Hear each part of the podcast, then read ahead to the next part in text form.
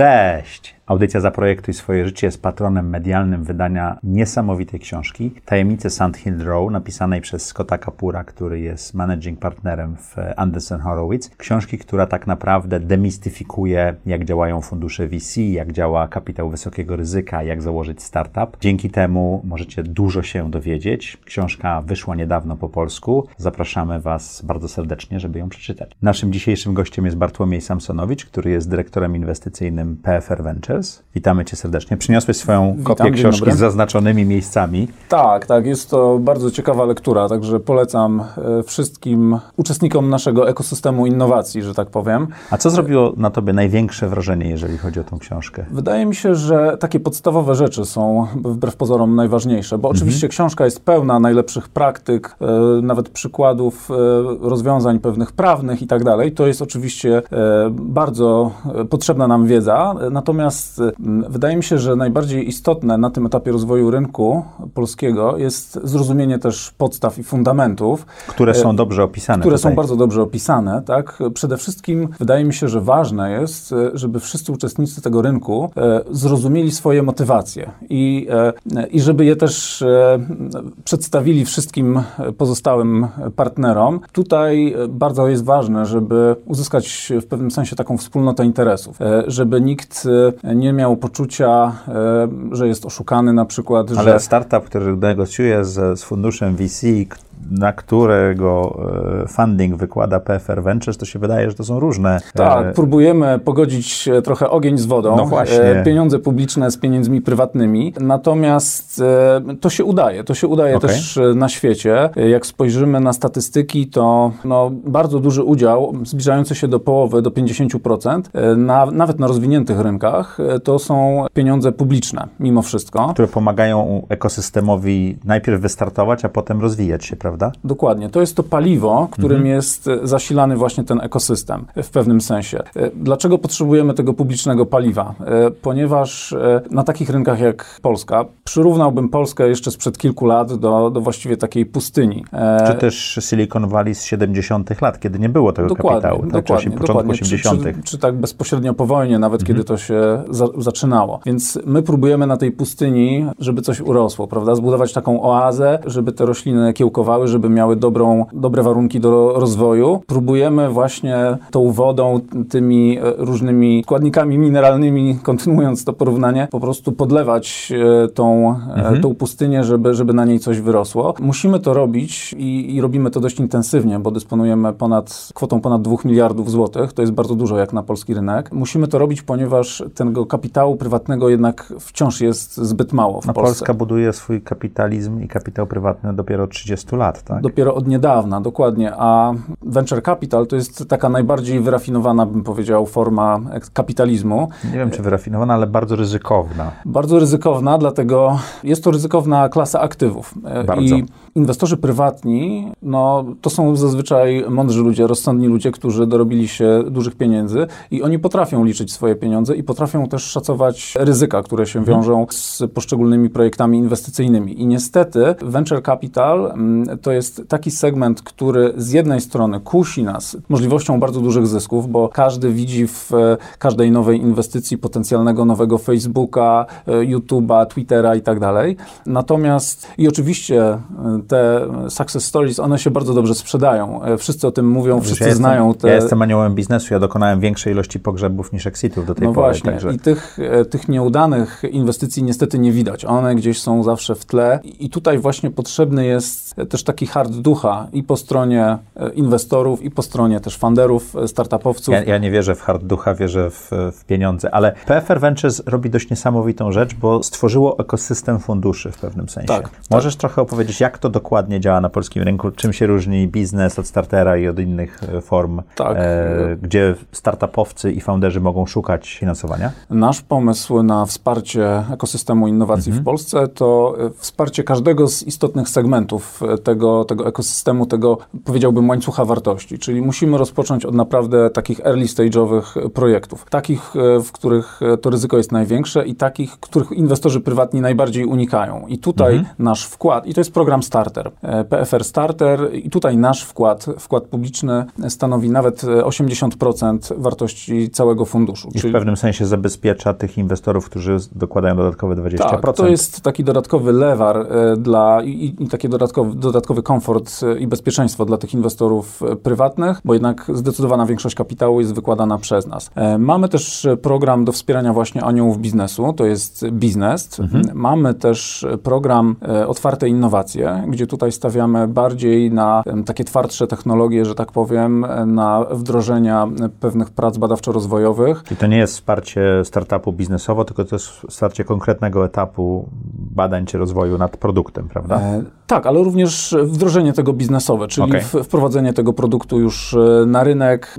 nawet zbudowanie jakiejś linii produkcyjnej, żeby jakąś, jakąś technologię już zmaterializować, tak, zaimplementować i wdrożyć. E, mamy też program CVC, czyli mhm. taki Corporate Venture Capital. A może wytłumaczysz, co to jest, bo nie wiem, czy wszyscy nasi słuchacze, widzowie wiedzą, czym się różni fundusz VC od funduszu CVC.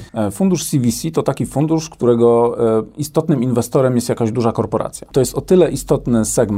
Mm, na świecie fundusze CVC odpowiadają za około 50% transakcji e, venture capital. No bo Czyli... one inwestują w technologię, która jest im potrzebna do rozwoju, a chcą, żeby startup e, tak. znalazł to rozwiązanie, tak? Wynika to z tego, że jednak większość korporacje na zachodzie rozumieją, że większość innowacji powstaje poza korporacjami, prawda? Więc e, żeby trzymać rękę na pulsie, te mądre korporacje inwestują właśnie w, tworzą, zawiązują fundusze CVC po to, żeby no, być blisko tych, tych innowacji i, i oczywiście taki fundusz CVC, mm, mm, e, korporacja ma szereg, mm, szereg profitów z tego tytułu. E, oczywiście chodzi o stopy zwrotu, ale też chodzi o to, żeby mieć możliwość ewentualnie nabycia w przyszłości tej technologii wypracowanej przez te startupy, ale to nie jest główny, główny powód zawiązywania tych, tych funduszy. Chodzi o bycie blisko tych najnowszych rozwiązań, mhm. które później też są e, w pewnym sensie taką inspiracją dla, dla korporacji. Albo mogą zakupić to rozwiązanie do mogą, Mogą je oczywiście używać. zakupić, tak. Ostatnim z naszych e, programów na rynku Venture Capital jest program Coffee. E, mhm. On się, jak jeździmy za granicę, to on się bardzo ładnie kojarzy z czarnym napojem i, i ludzie to zapamiętują. Natomiast to jest skrót pewnego sformułowania, którego nie będę tutaj rozwijał. Natomiast jest to taki fundusz, który e, bardziej e, koncentruje się na e, funduszach later stage, żeby domknąć powiedzmy ten łańcuch wartości. łańcuch wartości. Natomiast też jesteśmy otwarci na fundusze międzynarodowe. Staramy się przyciągnąć know-how z zagranicy, ten właśnie to smart money do Polski, tak żeby z jednej strony dać większą szansę rozwoju polskim startupom, ale też z drugiej strony, żeby wywierać w pewnym sensie taką presję konkurencyjną na polskie zespoły, żeby one miały też większą motywację, żeby szybciej chłonąć te standardy międzynarodowe i, i ten know-how, który się po prostu sprawdza na e, rynkach zagranicznych. Bo tutaj naprawdę nie musimy wyważać otwartych drzwi, e, nie musimy jeszcze raz e, wymyślać prochu, bo te wszystkie rozwiązania funkcjonują z powodzeniem na innych rynkach, na innych dojrzałych ekosystemach i wystarczy je odpowiednio zaimplementować, odpowiednio dostosować, bo wiadomo, że każdy rynek ma swoją specyfikę, więc... Ale te rozwiązania też są dość dobrze opisane w książce, prawda? Jak to działa, jak, jak, jak poszczególni gracze, czyli partnerzy funduszu, czyli inwestorzy funduszu, jak w którym PFR Ventures jest, jak fundusz działa, jak startupowcy. Tak. Chciałem zapytać Ciebie o książkę. Co zrobiło w książce na Tobie największe wrażenie? Wydaje mi się, że y, to jest duża umiejętność, żeby o skomplikowanych rzeczach y, mówić prostym językiem. To prawda. I y, autorowi to się bardzo udało. Wydaje mi się, że na tak kompaktowej formie tyle wiedzy dawno nie, nie przyswoiłem. Także wydaje mi się, że to jest taki must read dla każdego uczestnika e, rynku, od początkujących do tych bardziej zaawansowanych. I bo... nawet tych, którzy jeszcze nie myślą o swoim startupie, e, ale myślą, że to może być kierunek, to też warto to przeczytać, żeby Dokładnie, to zrozumieć. Bo to jest też część naszej misji e, jako PFR Ventures, bo też staramy się przyciągnąć talent z korporacji chociażby mhm. do ekosystemu startupowego, czyli być może dla, dla kogoś, kto jest już odrobinę wypalony pracą w korporacji, będzie to świetny świetna inspiracja do tego, żeby poczynić jakieś e, zmiany w swojej karierze. To niekoniecznie musi być wypalone, bo również można zainwestować w fundusze, które inwestują potem startupy, czyli można swój bonus przeznaczyć na to, żeby wejść w ten rynek y, Dokładnie. inwestycyjnie, niekoniecznie spędzając ten czas, powierzając te pieniądze profesjonalistom. I to jest bardzo ważne, bo nasza główna misja to jednak e, zbudowanie zaufania inwestorów. I zbudowanie Do- tego rynku. Zbudowanie takiego. tego rynku, jego fundamentów, Mhm. na których później będziemy ten wspaniały gmach polskiego venture capital budować. Y, Natomiast zależy nam najbardziej na tym, żeby tych inwestorów prywatnych było jak najwięcej. Y, To być może jest w pewnym sensie paradoks, ale chcielibyśmy, żeby ci inwestorzy prywatni kiedyś powodowali to, że nie będziemy już potrzebni na tym rynku, żeby ten rynek był samowystarczalny. To, to chyba nie jest paradoks. To, to nastąpiło poniekąd w Izraelu, czy, czy, czy to w Kalifornii, tak? Tak, tylko trzeba pamiętać, że to jest projekt, to jest Na proces dekady. długoterminowy. Tak, to są, to są dekady. Na rynku europejskim takim dobrym przykładem y, jest Europejski Fundusz Inwestycyjny, Mhm. EIF.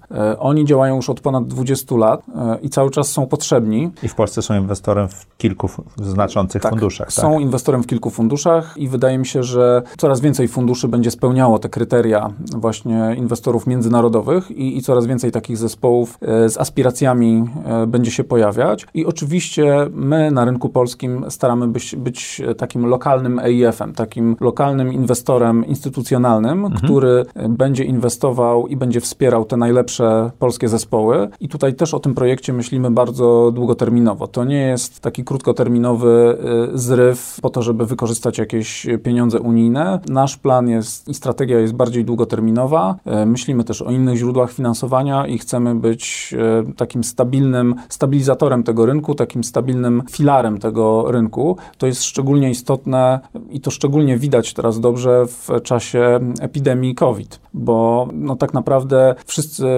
szukają jakichś planów e, pomocowych, ratunkowych, e, tarcze finansowe i oczywiście to jest potrzebne. Natomiast e, ja zawsze powtarzam, że my to robimy już od kilku lat. My jesteśmy taką tarczą finansową za pośrednictwem naszych funduszy z naszego portfela, ale jesteśmy taką tarczą finansową dla tych najlepszych polskich startupów. Tak, to prawda. Nie wszystkie sobie poradziły z COVID-em, ale rzeczywiście tak może być. Ale to też jest e, naturalny proces selekcji, także to też Tak. jest bardzo potrzebne, tak samo jak kryzysy i, i okresy prosperity są bardzo potrzebne w Do gospodarce oczyszczenia, do kapitalistycznej. oczyszczenia pewnego, Dokładnie. pewnego ekosystemu. Bardzo Ci dziękuję. Dziękuję również. A Wam polecam e, Sekrety Sand Hill Road. Super książka. Jeżeli myślicie o inwestowaniu albo tworzeniu własnego startupu, tam bym zaczął.